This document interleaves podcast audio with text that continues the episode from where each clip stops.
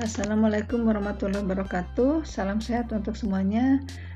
Saya Tati Hernawati, dosen mata kuliah PKPBI Departemen Pendidikan Khusus. Kali ini saya akan menjelaskan tentang perilaku bahasa verbal pada anak tunarungu.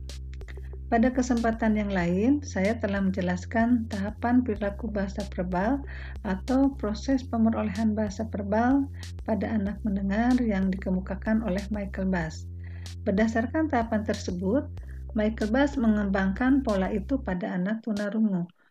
Berhubung pada masa itu teknologi pendengaran belum berkembang, maka Michael Bass berpendapat sistem lambang perlu diterima melalui penglihatan atau taktil kinestetik atau kombinasi keduanya. Dengan kemajuan teknologi pendengaran sekarang ini, pemerolehan bahasa pada anak tunarungu didukung dengan penggunaan teknologi pendengaran yang salah satunya adalah alat bantu dengar. Kembali kepada konsep Michael Bass tadi, bahasa anak tunarungu berkembang melalui pengalaman dalam berinteraksi dengan lingkungannya.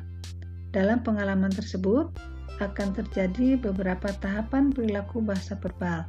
Sebagai contoh, anak belajar berbahasa ketika berinteraksi dengan ibunya. Dalam pengalaman tersebut, ibunya memberi minum kepada anaknya yang berusia batita.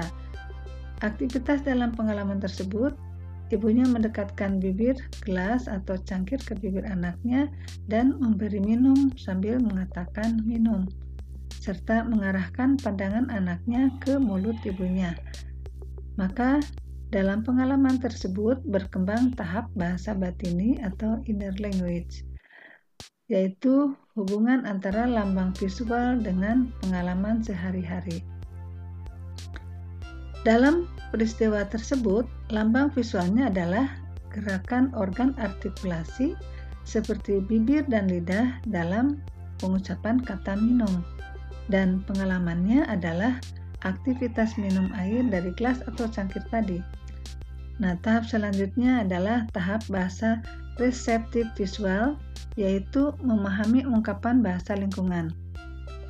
Oleh karena peristiwa minum tadi sering dilakukan dalam kehidupan sehari-hari, maka lama-kelamaan anak akan memahami ucapan ibunya yang mengatakan kata minum dengan melihat gerakan ujarannya.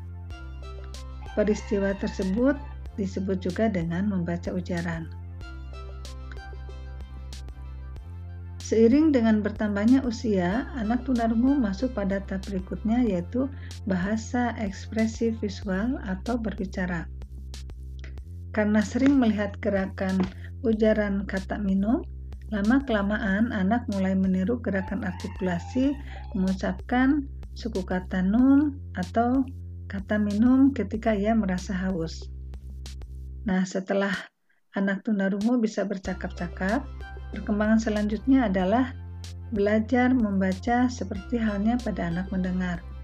Dan tahap akhir adalah bahasa ekspresi visual atau menulis. Dalam artian, mengekspresikan pikiran melalui tulisan seperti yang terjadi pada anak mendengar umumnya. Demikian bahasan kali ini, semoga bermanfaat. Terima kasih. Wassalamualaikum warahmatullahi wabarakatuh.